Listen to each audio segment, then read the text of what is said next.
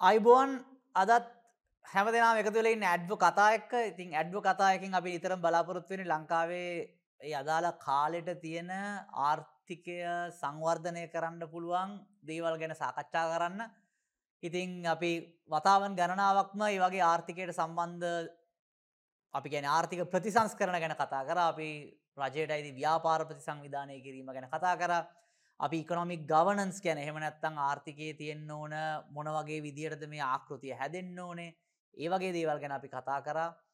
ඒ වගේම අපි රජයට ඇති ව්‍යාපාර වලින් විශේෂයෙන්ම තෙල් ශේත්‍රය සම්බන්ධයෙන් කතා කරා. මේ දවසර තවත් ගොඩක් මාතෘකාතරේ විශේෂයෙන්ම කතාවෙන තවත් මාතෘකවත්තා මේ කම්කරු නීතිරීති වල යම්කිසි වෙනසක් කරන්න. එහෙමනැත්තම් කම්කරු නීතිරීති අලුතෙන් ගේන්න හදනවා කියලා සාකච්ඡාවක් තියෙනවා. ඒ පිළිබඳව මහිතන කම්කරු අමාත්‍යංශයත් සඳහනක් කල්ල තිබුණ සය අමාත්‍යවරය සඳහන් කල්ල තිබුණා. ඒ පිළිබඳව විධ පාර්ශවවලින් අදහස් ලබාගන්න බලාපොරොත් වෙනවා කියලා. ඉතින් අපි හිතුවා ඒ නිසා මේ කම්කරු නීති රීති ගැනසා ලංකා ඇතරම තින මේ කම්කරු නීති මොනවගේද මේවා ආයෝජනය කරන්න සුදුසු ඒවද නැත්තම් මේවා වෙනස් වෙන්න ඕනෙද? වෙනස් වෙනවනම් මොන විදිරද වෙනස් වෙන්න ඕනි කියලා සාකච්ඡා කරන්න. අපිත් එක සාකච්ඡා කරන්නද? සාකච්ඡාවට සම්බන්ධ වෙන්නේ ශාමලී රණරාජා මහත්මිය එතුමිය ජේෂ්ඨ නීතිඥවරයක්. ඒ වගේම පේරාදිනිය විශ්වවිද්‍යාලයේ කම්කරු නීතිය පිළිබඳව බාහිර කතිකාචාර්යවරයක් විදිර කටයුතු කරනවා. රිෆෝම් නව් කියල ඇඩ්වකාට අපි ගියවරුද්ධ ඇත්තර මේ ආර්ථික ප්‍රතිසංවිධාන වෙන්න ඕන කියල සාකච්ඡාව පටන්ගත්තු දිනවල අපි කරපු සාකච්ඡාවේදි එතුමිය අපිත් එක සම්බන්ධ වනා ඒකත් බලන්ඩ පුළුවන් අපේ ඇඩ්වකාට ඉන්සිටියුට් එකේ YouTube පේජකට කියන එතුමියගේ ප්‍රසන්ටේෂන එකස ඇතම මොනාද කියන කියලා. බැකතින ඉංග්‍රීසි භාෂාවෙන්. අද එතුමට ඉංග්‍රීසි සිංහල දෙක හොඳර කතා කරන්න බල අපි මේ සාකච්ඡාව සිංහලෙන් තමයි කරන්න බලාපොරොත්තු වෙන්නේ. බොහොම සූදී ශාමය රණරාජ මහත්මය අපිත් එක්ක සම්බන්ධනාට මේ හවස්සරුවේ නුවර ඉදං සම්බන්ධ වෙන්නේ බොහොම ස්තුතියි. සුබ සන්ධ්‍යාවක් දන්නත් හුඟක්ම ස්තුතියි මාව මට ආරාධනය කරාට මේට සහභාගි වන්නට. මොකද මේ ඉතාමත්ම කාලෝචිත මාතෘකාවක් බවට දැනට පත් වෙලා තියෙනවා. ආන්දෝලනාත්මක කියලත් කියන්න පුළුවන් අපිට. මුලින් මම දැනගන්න කැමති මිසරන් රාජ දැන් ඇත්තරම ලංකාව කම්කරු නීතිය මොකක්ද මේක ඇත්තරම ප්‍රශ්නයක් තියෙනවද මේ නීතිවල? මොක සමහරු කියන මේ කිසි ප්‍රශ්නයක්න අපිට තේරෙන්නේ අයෝගොල වෙනස් කරන්න යන්න කියලා.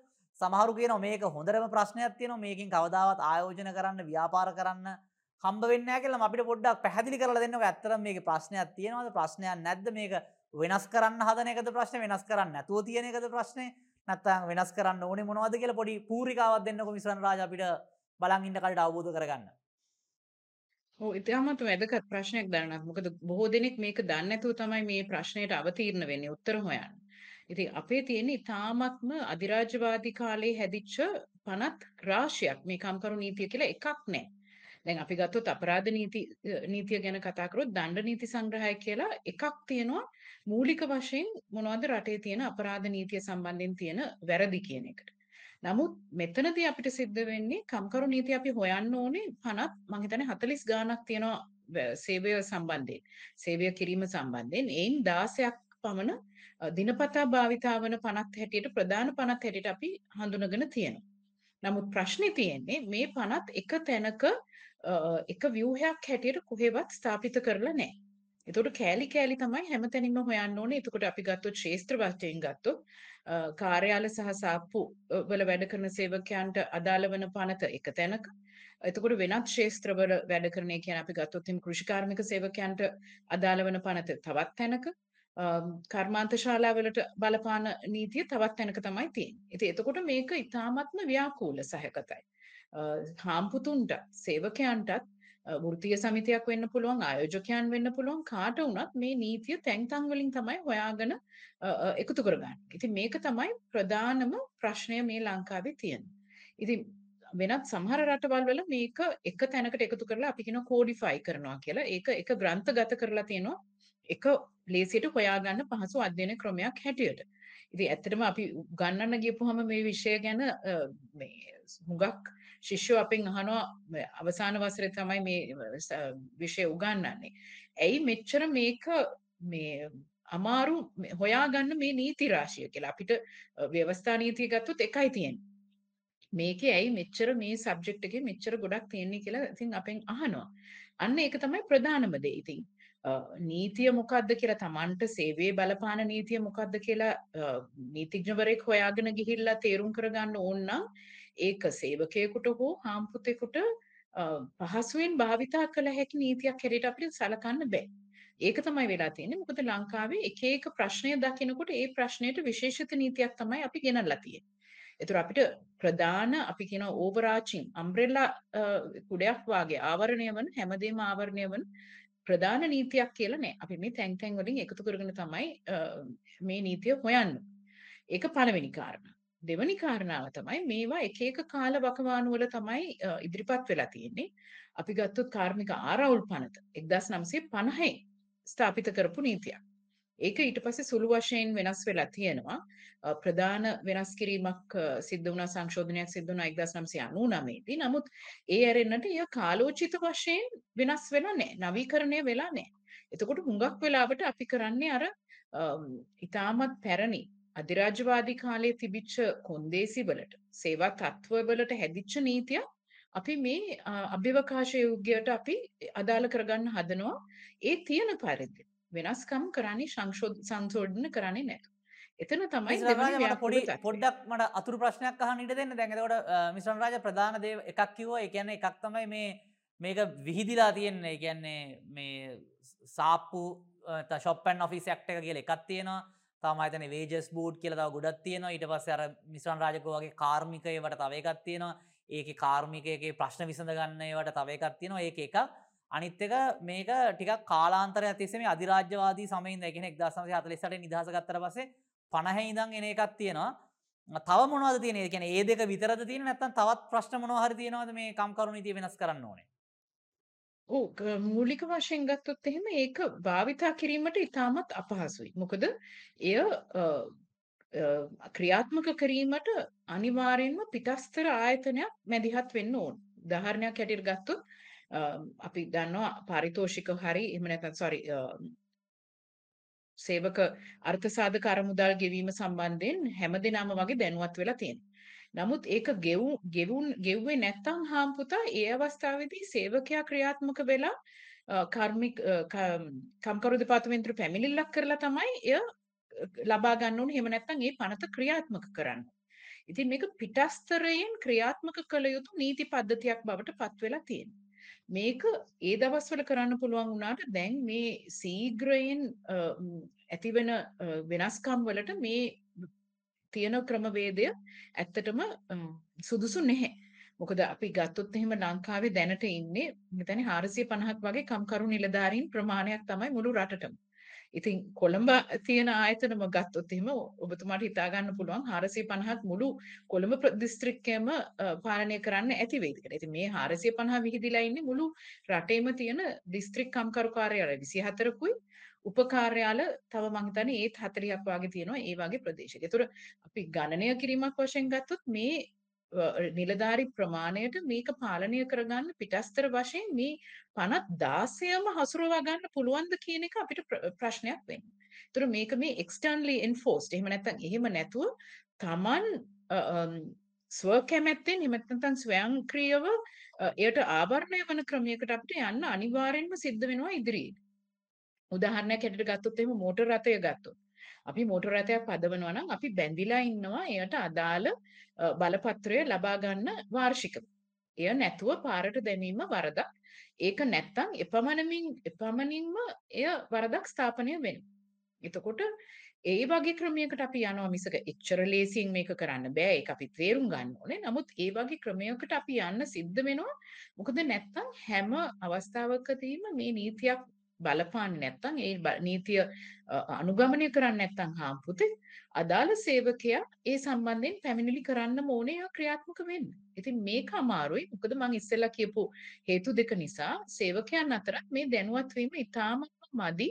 මොකක්ද Tamanට බලපාන කම්කරු නීතිය කියන්නේ. මිතුරාජ අපි කෑල්ලෙන් කෑල්ල විසඳගමු. දැන් මුලින්ම මට තිබ්බ ලොකුම ප්‍රශ්නයක් තමයි මහිතන අපේ බැංකෝල වැඩ කරන යාලුවහෙම ඒගොල්ලොන්ට තියෙන නිවාඩු එක විදිියාව ඒ කියන්නේ අපි ඔෆිස්සෙනවා බැංකු අහලා. සමහර දවස්තියන බැංකුත් හලා රජ ආතයනත් හල අපි ඔෆිස්සකටන ඉටවස අපි ආණ්ඩුව මොනහරි අදාළ වැඩක් කරගන්න ගියාම දේශී ආදායමකට ගියාම එදාට දේශී ආදායමක වහලා. එතකොට දැන් ඇත්තනම දැන් මේ තුන කාම්කරු නීති තුනකින්ද විසන් රාජා පාලනය ඒ වගේ මට මතකයි දැන් මම අර කලින් MS Holdings එකේ වැඩ කරා. දැන් මට මාව අයිති වුණේ මං හිතන්නේ shop and office act එකකටද කොහෙද? ඒතකොට මගේ වැඩ කරන වෙලාවල් මට තියෙන්නේ සඳුදා ඉඳන් සිකුරාදට උදේ 7:00මාර හවස 5:00මාර වැඩ කරන්න. හැබැයි ෆැක්ටරි එකේ ෆ්ලෝ එකේ ඉන්න කට්ටියට පැය 12 පැය 12 shift එකක් තිබ්බ උදේ උදේ ඕනෑ පැය උදේ 6 හවස 2 මං හිතන්නේ. ඒ වගේ දවස් හයක වැඩ කරන්න ඒගොල්ලොන්ට තිබුණේ. ඒ වගේ සමහර ෆැක්ටරිස් තියෙනවා උදේ හය හවසාය පෑ දොලහ ශිප්ටයනයව පොඩ්ඩක් මට එක පැහදිලි කරන්න කොහොමද ඒ ශිප්ට එක අනුව මොක්හරි වෙනස් වෙනවද? කම්කරු නීති නැත්තම් මේ වේජස් බෝඩ් කියල මන්ද කල තින එක කට්ටිය එක වේජස් බෝඩ් කියනවා. මේ මන්දක කොහ ඒවගේ වේජස් බෝඩ් හැටක් විතර තියනවා කියල. තොට මම හරික දාන ම කොම දරගන්න මොන වේජස් බෝඩ් එකටම අයිතිවෙන්නේ කියලා? පොඩ්ඩක් ඒකට පැහදිලි කරන්න තරහනතුව ඒක තමයි ඉතින් මේ ප්‍රශ්නේ තමයි තියෙන්නේ. මේක කරන්න එක නීතිඥවරයෙකුට බෑ. මේක ඇත්තටම මඩුල්ලකටම විසඳන් එක්ස්ප්ලেইন කරන්න ඕන තත්වයක්. අපි ගත්තොත් එimhe දවසම අපිට මේ ගැන කතා කරන්න පුළුවන්. දනනත් කියපු ප්‍රශ්නේ ඉතාමත්ම වැදගත්. ඉතින් මෙච්චර දැනුම තිබිලත් දනනාත් දන්නේ නැත්නම් Tamanට බලපාන මේ නීති කොහොමද මේ විදියට වෙනස් වෙන්නේ එකින් එකට කියලා සාමාන්‍ය අධ්‍යාපනයක් තියෙන කම්කරු ශාස්ත්‍රයේ වැඩ කරන සේවකයෙකුට කොහොමත් මේක තේරුම් ගන්න බෑ ඉතින් දරණත් කියපු දේ හරියටම හරි. අපි එක අතකින් පිළි අරගෙන තියෙනවා ව්‍යවස්ථාවේ යටතේ හැම කෙනෙක්ම සමානයි කියලා. සමානතාවයේ අයිතිය තියෙනවා කියලා. නමුත් මේ කම්කරු නීති 1978ට පෙර ක්‍රියාත්මක වෙච්ච නීති නිසා ඒවයි මේ විෂමතා තියෙනේම අපිට නිරවුල් කරන්න බැරි වුණා ව්‍යවස්ථාදායකයත් එක්ක. ඒකට වෙනත් ව්‍යවස්ථාපිත හේතු තියෙනවා. නමුත් කොටින්ම කියොත්තොත් ඒ සමානතාවය අපි පිළි අරගෙන නැහැ මේ කම්කරු නීති තුල. ඒතර එක කොට්ටාශයකට තියෙන අයිති අනිත් කොට්ටාශයට සමාන නෑ. ඒගොල්ලොන්ට එක්ක අඩුවෙන් එක්ක වැඩියෙන් තියෙන. දැන් ෂොප් ඇන් ඔෆිස් එකේ තියෙනවා ප්‍රතිපාදන හුඟක් ඔක්කොගෙම පැය 28ක් වැඩ කරොත් සතියකට ඒ සතියේ දවස් එකහමාරක් පඩි සහිත නිවාඩු අනිවාර්යයි කියලා. නමුත් පඩිපාලක සභාව යටතේ එහෙම නැත්නම් වේජස් බෝඩ්ස් යටතේ වැඩ කරන හුඟක් සේවකයන්ට දවස් 6ක් වැඩ කරන්න ඕනි සතිය තුල ඒ වැඩ කරපුවම එක දවසක් පමණයි පඩි රහිත නිවාඩු හැටියට ලැබෙන්නේ. එතකොට අපි එක අතකින් සමානතාවය කියනවනේ හැමෝම එක සමානයි කියනවා කියනවා නම් එතකොට කොහොමද අපි මේ ශ්‍රේණිගත කරන්නේ? පඩිපාලක සභාව යටතේ වැඩ කරන සේවකයන්ට අඩු අයිතියක් තියෙනවා. කාර්යාල සහ සාප්පු සේවක පනත යටතේ සේවකයන්ට වෙනත් අයිතියක් තියෙනවා කියන එක. ඉතින් මේ ප්‍රශ්නේ ඉස්සෙල්ලාම අපි පැහැදිලි කරගෙන ඉන්න ඕනේ. එක්කෝ අපි සමානතාවයත් එක්ක යන්න ඕනේ. එක්කෝ අපි ප්‍රායෝගික වශයෙන් එක එක ක්ෂේත්‍රයේ වැඩ කරන රටාව අනුව කම්කරු නීති අපි හදනවා කියන අපි මේ ප්‍රතිපත්තිය මූලධර්මය අපි පිළිගන්න. එතකොට දැන් අලුතෙන් නීතියක් හදනකොට අපිට කොහොමත් ওই සමානතාවය උල්ලංඝනය කරන්න බෑ. මොකද ඒක 78 ව්‍යවස්ථාදායක ව්‍යවස්ථාවට පස්සේ හැදෙනවා. නීතියක් නිසා එය අනිවාර්යයෙන්ම 1978 ව්‍යවස්ථාවට අනුකූල විය යුතුයි නැත්නම් එය ශ්‍රේෂ්ඨ අධිකරණයේ යම්කිසි විදිහකට නඩුවකට බලපාලා ඒක එතනින් පිටත් පිටතට දාන්න පුළුවන් ඒක අසමානයි කියලා. එක එක්කෙනාට විවිධ විවිධ විදියට සලකනවා කියලා. ඉතින් ඒ නිසා අපි අර ILO කන්වෙන්ෂන් සම්මුති ජාත්‍යන්තර සම්මුති අපි පිළි අරන් තියෙනවා හැමෝටම සරිලන වැටුපක් දෙන්න ඕනේ ඒ සමාන යම් කිසි විදිහට ශ්‍රමයක් එතෙන්දි පාවිච්චි කරනවා equal pay for equal value of uh, work of equal value කියලා අපි කියන්නේ එකම වටිනාකමින් යුතු සේවයට අපි එකම සමාන වේතනයක් ලබා දිය යුතුයි කියන එක. එතකොට ඒ මූල ධර්මයේ තියෙනවා නම් ඔය දැනනත් හඳුනගත්ත වෙනස්කම තියෙන්න බෑ. මාස් එකේ ඔෆිස් එකේ වැඩ කරත් මාසකේ ෆැක්ටරි එකේ වැඩ කරත් Taman පැයකට වැඩ කරන ප්‍රමාණයට දෙන වටිනාකම එක සමාන විය යුතුයි. නැත්තම් අපිත් ආයේ අර පරණ විදිහට වැඩවසම් ක්‍රමයට කුල ભેදයට ගිහිල්ලා අර රත්තරන් වැඩ කරන මිනිස්සයාද වැඩිය ඉහළ ගොවියද පහළ මොනවාද අර මේ මේ මැටි වලම් හදන කෙනාද වැඩිය වහල කියලා අපි මේ හැම සේවකයක්ම එක එක විදිහට අපි තක්සේරු කරලා එයට වටිනාකමක් දෙන්න වෙනවා. ඒක කරන්න බෑ. ඒක ව්‍යාකූල වැඩි දැන් තියෙන තත්ත්වය අනුව. ඒ නිසා අපි අර වෙනත් රටවල් වල තියෙනවා වගේ යම්කිසි විදිහකට පැයක වේතනයට හැමෝටම ගෙවන අවම වේතනයක් හැටියට අපිට යන්න සිද්ධ වෙනවා. මේක දැනට ලංකාවේ ක්‍රියාත්මක වෙන්නේ නැහැ. මොකද අපි හිතාමතාම නීති වලින් එක එක කොටස් අයින් කරලා තියෙනවා. දැන් අපි මේ වෙන වෙනම කොටස් හදාගත්ත වෙනුවට අපි අලුතෙන් ගේන නීතිවල කියනවා ගෘහස්ත සේවකයෝ මෙයට මේ නීතියට අයිති වෙන්නේ නැහැ. එතකොට අපි එතනින්ම එක කොට්ටාසයක් ඔවුන්ගේ ශ්‍රමය වටිනාකමක් එක්ක නැති එහෙම නැත්නම් තක්සේරු කරන්නට බැරි ආකාරයේ ශ්‍රමයක් කියලා ඔවුන්ට වෙනස් කොට සැලකීම පහත් කොට සැලකීම අපි අනුමත කරනවා එක ආකාරයකට. මෙන්න මේ ප්‍රශ්න තමයි අද ප්‍රායෝගික වශයෙන් තියෙන්නේ මේ අපි කෑලි කෑලි වලට හදාගත්ත කම්කරු නීතිය නිසා. බොහොම ස්තුතියි. මම හිතන්නේ අපිට තියෙන අනිත් දැන් මේ වෙනස්කම් කරනකොට අපි ගාව තාම එහෙම පනතක් හරි මොනවා හරි සාකච්ඡා කරන්න ඩොකියුමන්ට් එකක් නැහැ මොකද තාම එහෙම දෙයක් එලි දක්වලා නැහැ මේ ඉතින් අපිත් බලන්න මේ අදහස් අරගෙන මොනවද එතකොට සමාජයේ සාකච්ඡාවක් ඇති වෙනවනේ. මොන වගේ දේවල්ද වෙනස් කරන්න ඕන වෙනස් කරන්න ඕනේ වෙනස් කරන්න ඕනේ නැත්නම් වෙනස් කරන්න ඕනේ නැත්තේ කියලා. ඒ නිසා මේක අර මහ බැංකුව ස්වාධීන කිරණ පනත වගේ. ඒ වගේ එහෙම අපි ගාව නෑ මොකක්වත් රෙෆරන්ස් එකකට ගන්න. මේ කතා. වගේ වෙනස්කම් තමයි කරන්න තියෙන කියලා අපි මෙතන පොදුවේ සාකච්ඡා කරන්නේ මොනවද වෙනස් වෙන්න ඕන කියන එක තමයි. ඉතින් මිස් රන්රාජ කියන්නේ මුලින්ම මේක සංකීර්ණයි.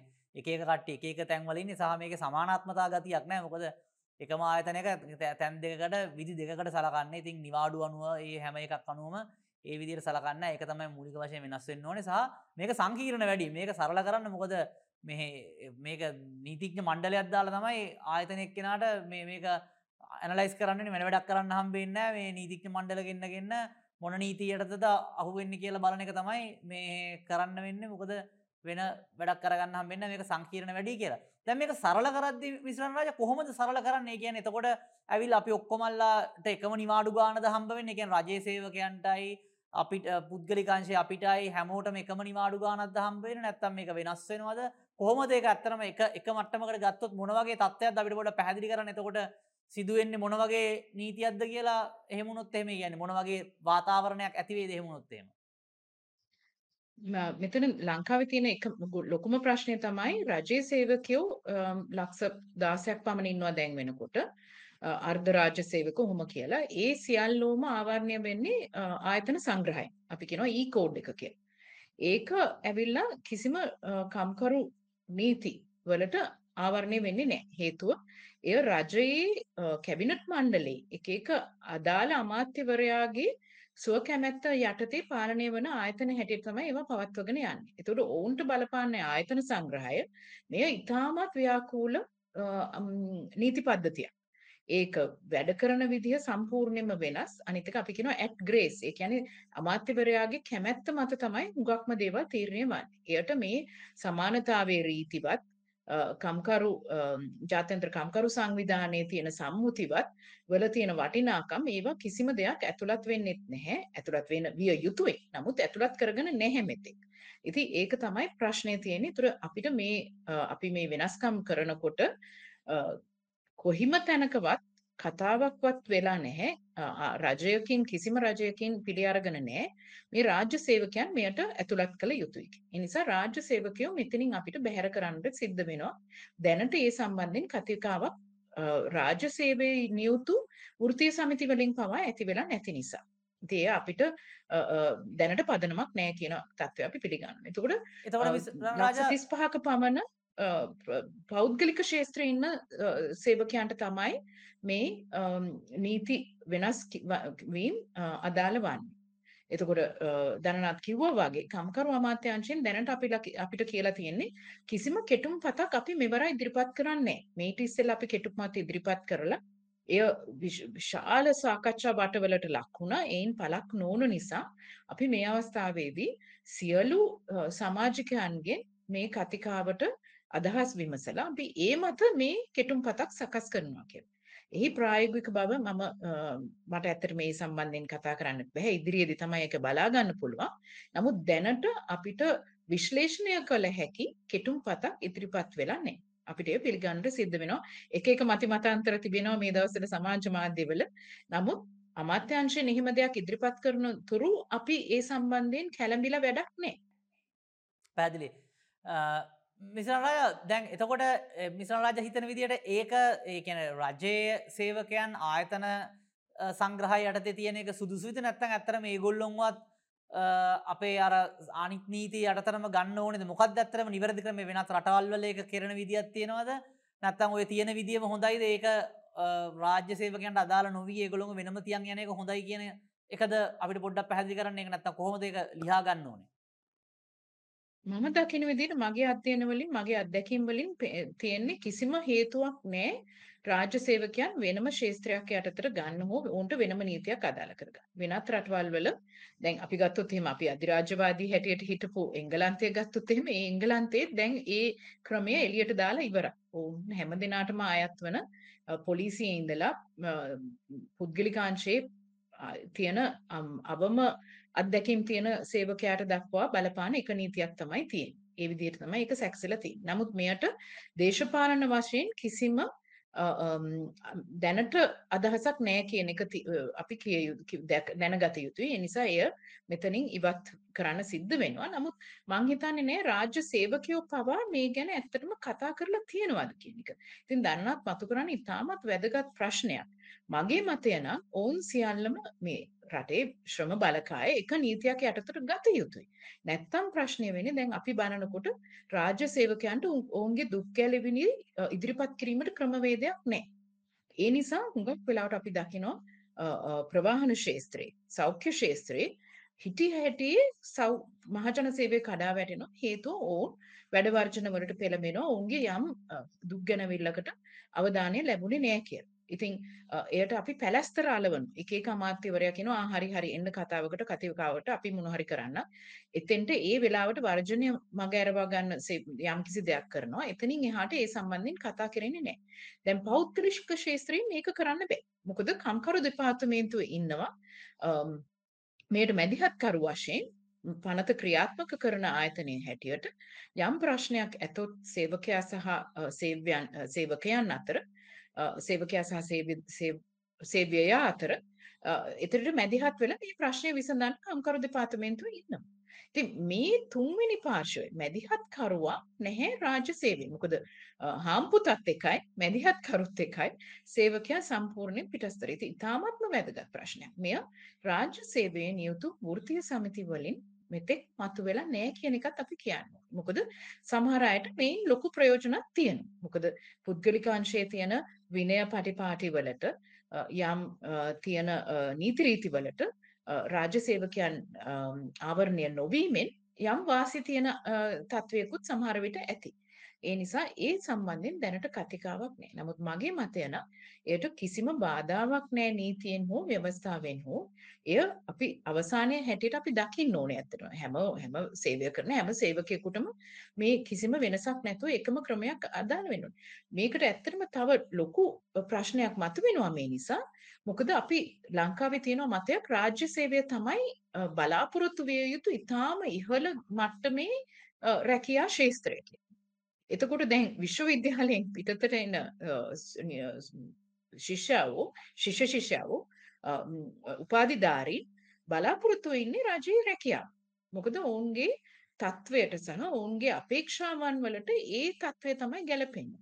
අ, ඉතින් මේක තව ලොකු කතාවක් මේ අපේ අධ්‍යාපන ශාස්ත්‍රයේ තියෙන අඩුපාඩු. නමුත් එක කාලයක් තිබුණා අ, මංගල දැන්වීම් දානකොට අ, දෙපාර්ශවයේම බ- දෙමව්පියෝ ඒ දැන්වීම දාන්නේ රාජ්‍ය සේවයේ නියුතු අ, අ, නිලධාරියෙක් එහෙම නැත්නම් නිලධාරිනියක් අපි අපේ දරුවාට සහකරු හැටියට බලාපොරොත්තු වෙනවා කියන මොකද අපේ මානසිකත්වයේ ඉහළම හිණිපෙත්ත තමයි මේ රාජ්‍ය සේවය. හේතුව ඇයි? 42ක් නිවාඩු තියෙනවා. අ, අම්, කිසිම ප්‍රශ්නයක් නෑ ඒ නිවාඩු ඉක්මවා ගියොත්. එතකොට තව ද- ස්- රා- රැකියාවේ සුරක්ෂිතභාවය තියෙනවා. කිසිම දෙයක් කරලා අස් කරන්න බෑ කියන මතය තියෙනවා. අ, එ- එතකොට ඊටත් වැඩිය වටිනාම වැදගත්කම තමයි මේ විශ්‍රාම වැටුප් ක්‍රමය.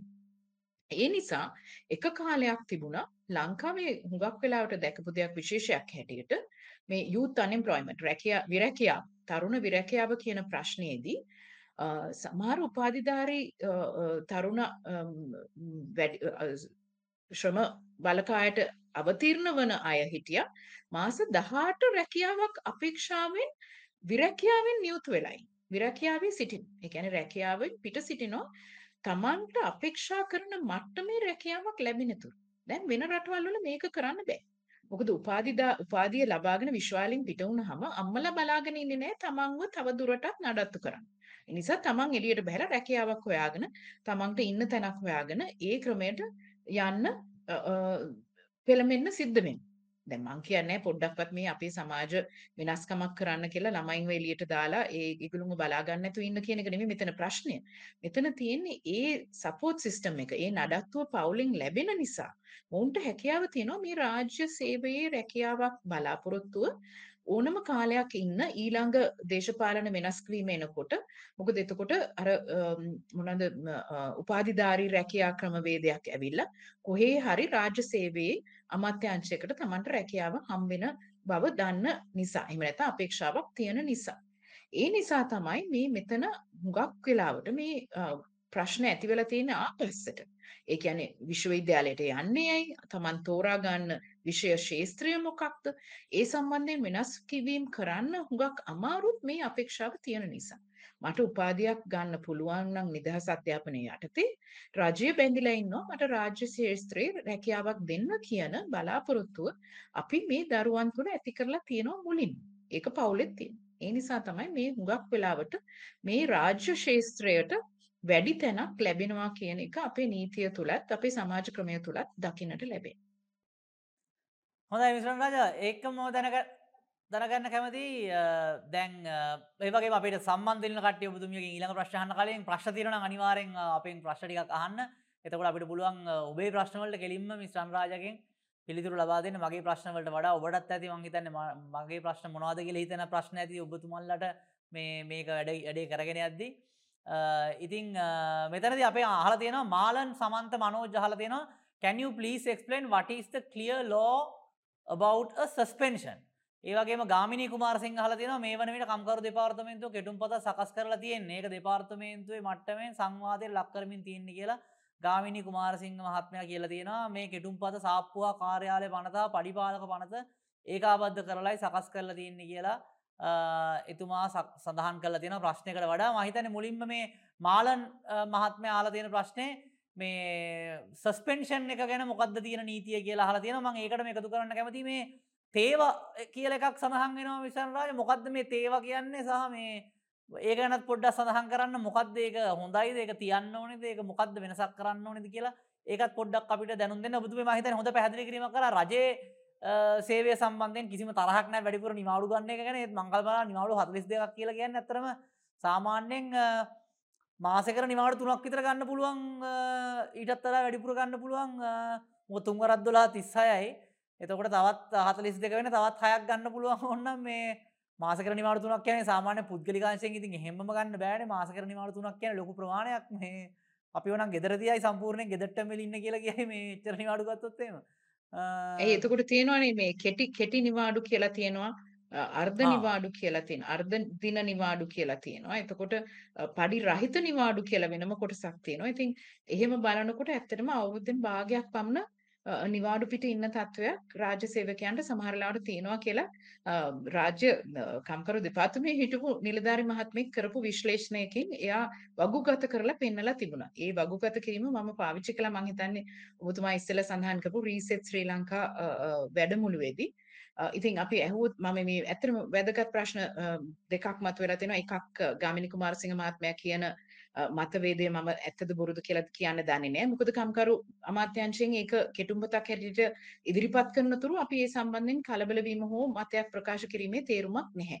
නමුත් එතුමා කියනවා නම් දැනුවත්ව ඒක හරි වෙන්නත් පුළුවන් වැරදි වෙන්නත් පුළුවන්. නමුත් අනිවාර්යෙන්ම පඩිපාලක සභා පනත සාපුහා කාර්යාල සේවක පනත මාතෘ ප්‍රසාද නිවාඩු පනත මාතෘ මටනි බෙනිෆිටස් ඕඩිනන්ස් ඒකලා ළමා සහ කාන්තා සේවක පනත අනිවාර්යෙන්ම එකතු වෙන්න ඕනේ. එය තමයි 2018 කෙටුම්පතක් හැටියට ඉදිරිපත් වුණේ. මොකද මේ පනත් හතරේ පරස්පර විරෝධී ප්‍රතිපාදන තියෙන නිසා ඒ හතර අනිවාර්යෙන්ම එකතු විය යුතුයි. නැතුව මේ අපි කතා කරපු අසමානතාවයන් ඉවත් කිරීමට හැකියාවක් නැහැ.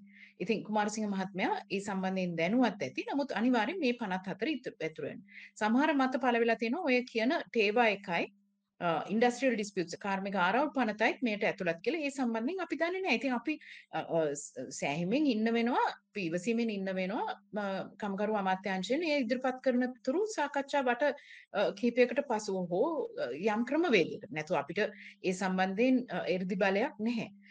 නමුත් මේ තේවා එක කියලා කියන්නේ termination of employment of workmen act එහෙම නැත්නම් සේවකයන්ගේ රැකියාව අවසන් කිරීමේ පනත.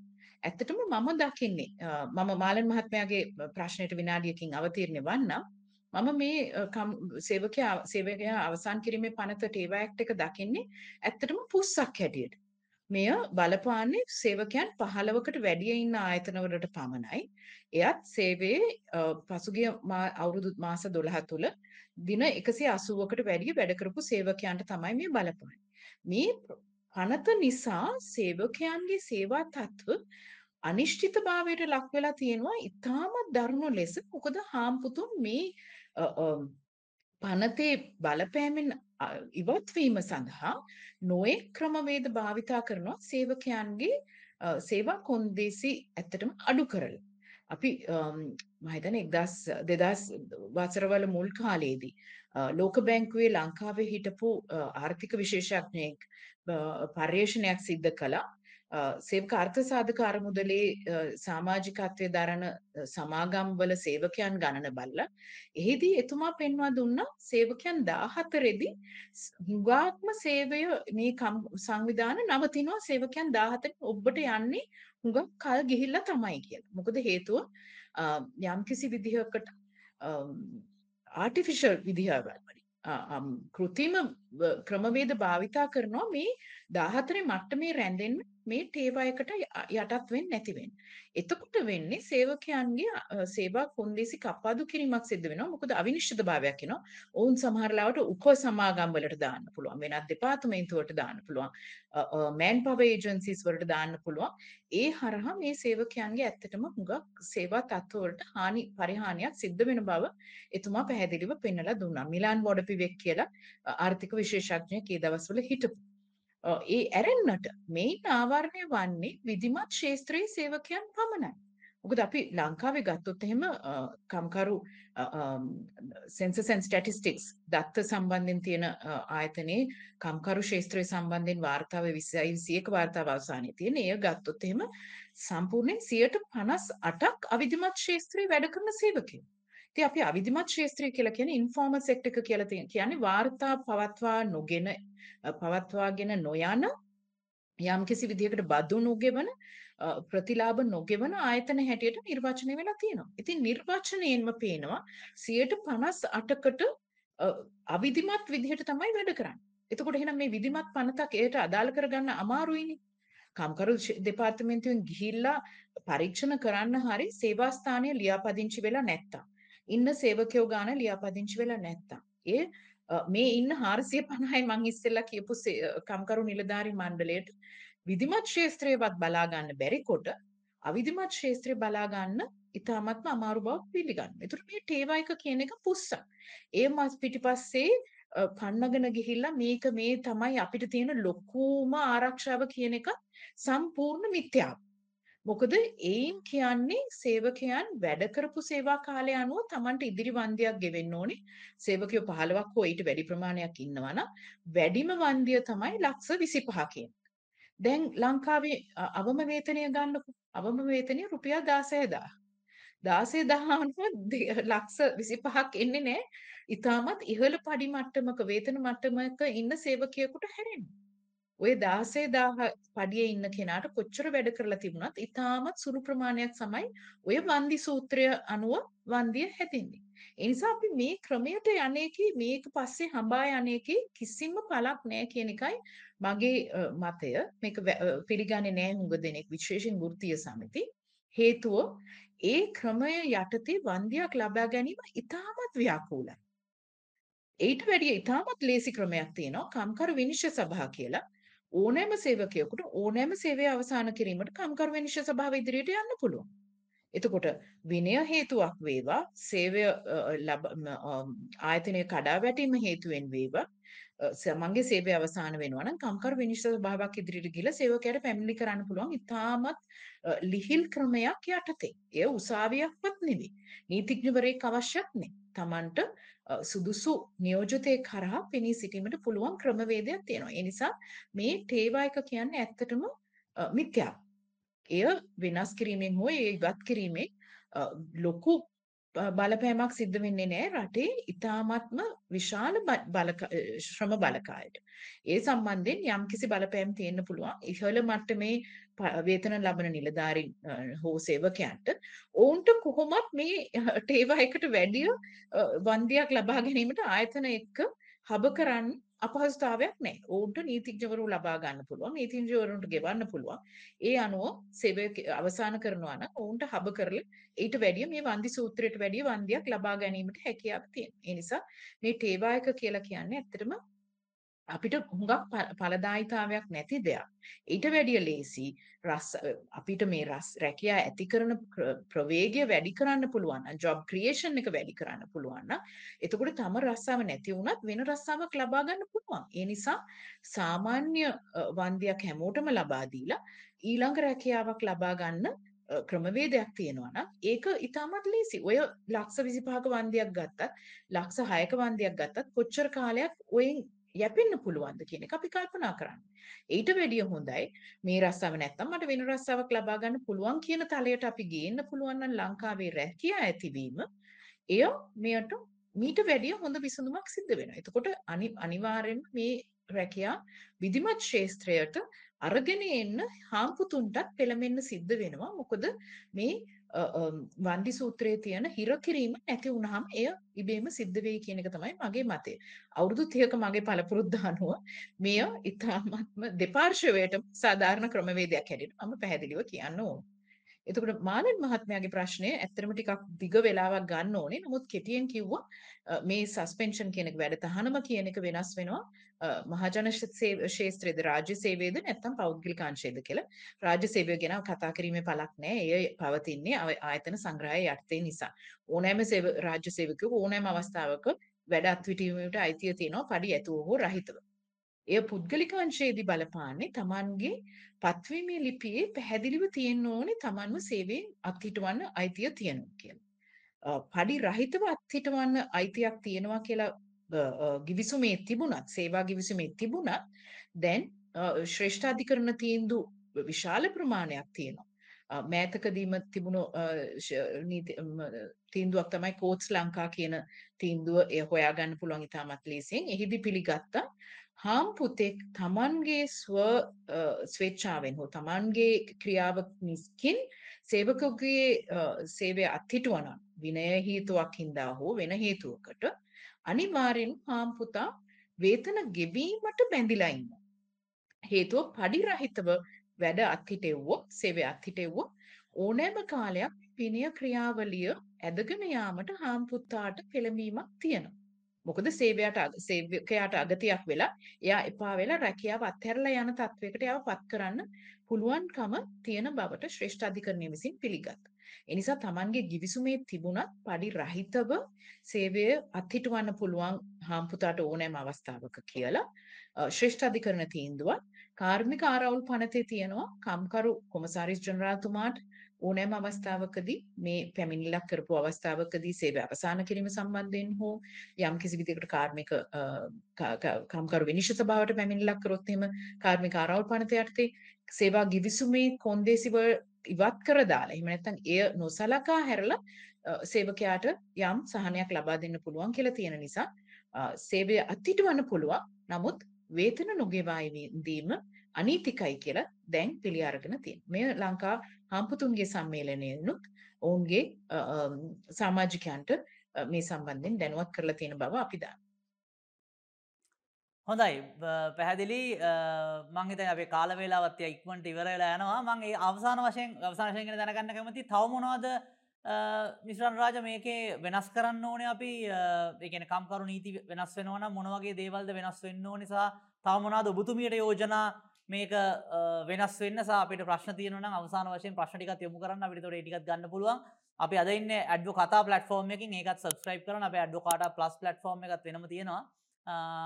ෆේස්බුක් එකෙත් අප ඉන්න මොනාද මිසාන රාජා අ, තව මොනාද ඔබතුමිය යෝජනා කරන මේ කම්කරු අලුතෙන් මොනහරි පනතක් හදනවනම් තමනාද මේක වෙනස් වෙන්න ඕන පැතිසා අලුතෙන් එකතු වෙන්න ඕන පැතිමනවාද මේක ඉතාමත් ව්‍යාකූල දීර්ඝ වශයෙන් ගෙන යුතු කතිකාවක් දන්න නමුත් කෙටියෙන් කියනවන අද ඇතරම කම්කරු අමාත්‍යංශයේ අදහස් විමසීමක් පැවැත්වුණා ඒ ඒගොල්ලොන්ගේ YouTube channel එකක් තියෙනවා Influx කියලා.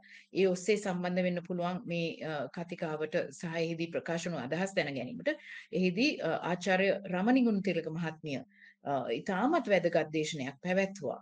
එයත් කතා කරන්නේ ඇත්තටම ගොඩක් ආර්ථික විශේෂඥයන් කම්කරු ශේෂත්‍රය සම්බන්ධයෙන් අධ්‍යයනය කරන විශේෂඥයන් ගොඩක්ම බලන්නේ මේ කාන්තාවන් ශ්‍රම බලකායට සහභාගී වීම ඉතාමත් අඩු තලයේ ඇයි පවතින්නේ කියලා ලංකාවේ.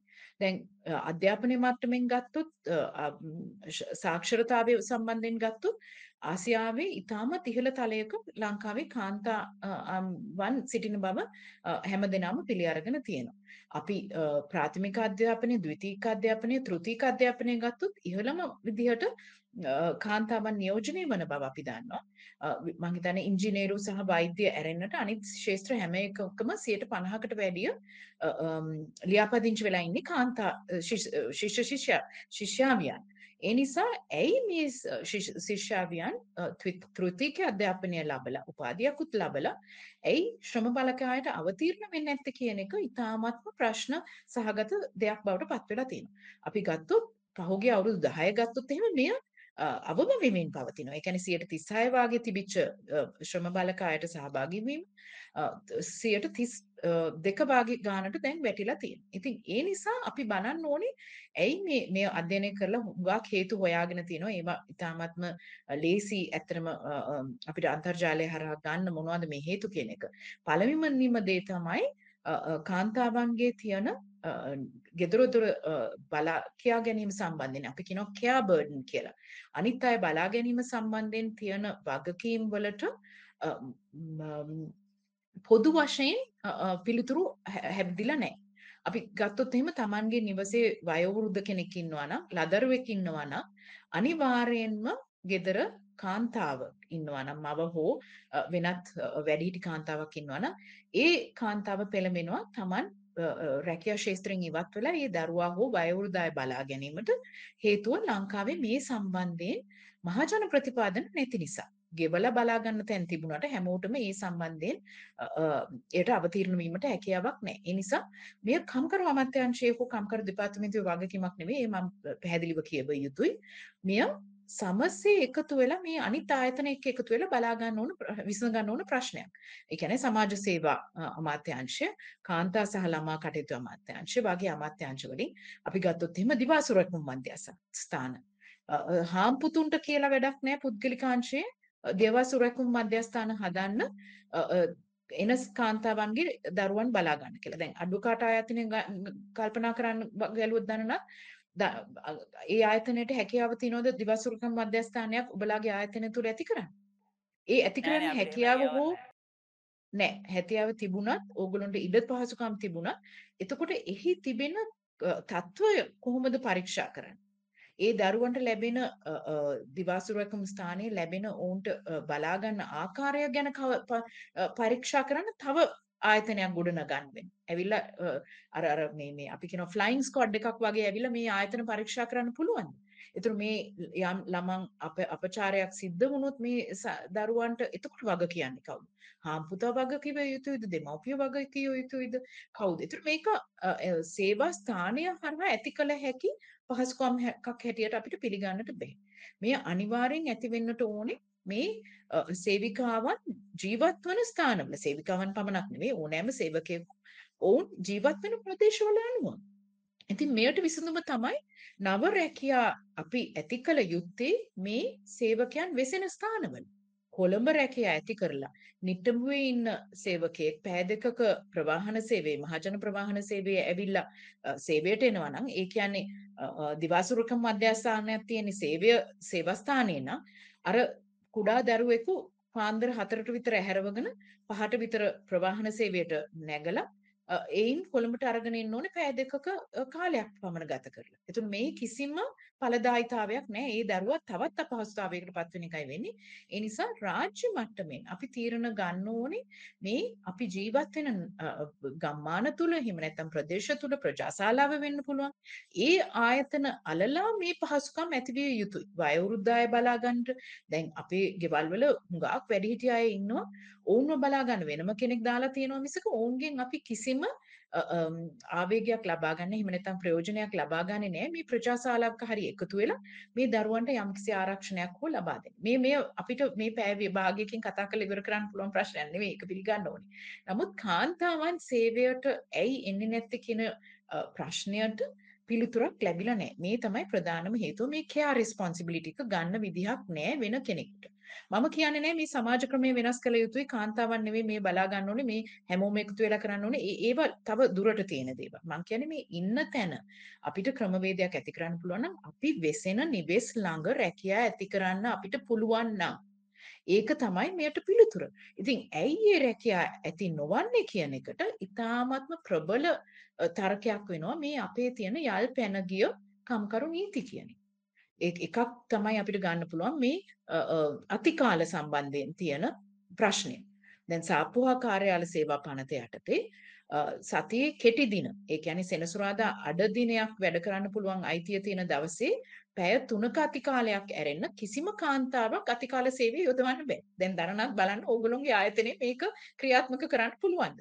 ඒ කියන්නේ සවස රාත්‍රී කාලේ සේවය 8න් පස්සේ අ, අ, එතන සේවා කාලේ රැඳී සිටීමට හෝ සේවය කිරීමට කාන්තාවකට අ, අ, හැකියාවක් නැහැ. හා- කාන්තාවකට නෙමෙයි හාම්පුතාට හැකියාවක් නැහැ. ඔවුන් රාත්‍රී 8න් පසුව සේවයේ යෙදවීමට හෝටලයක් හෝ අ, අ, ගුවන් තොටුපළක් හෝ මේ සීමිත ප්‍රමාණයකට ඇරෙන්න.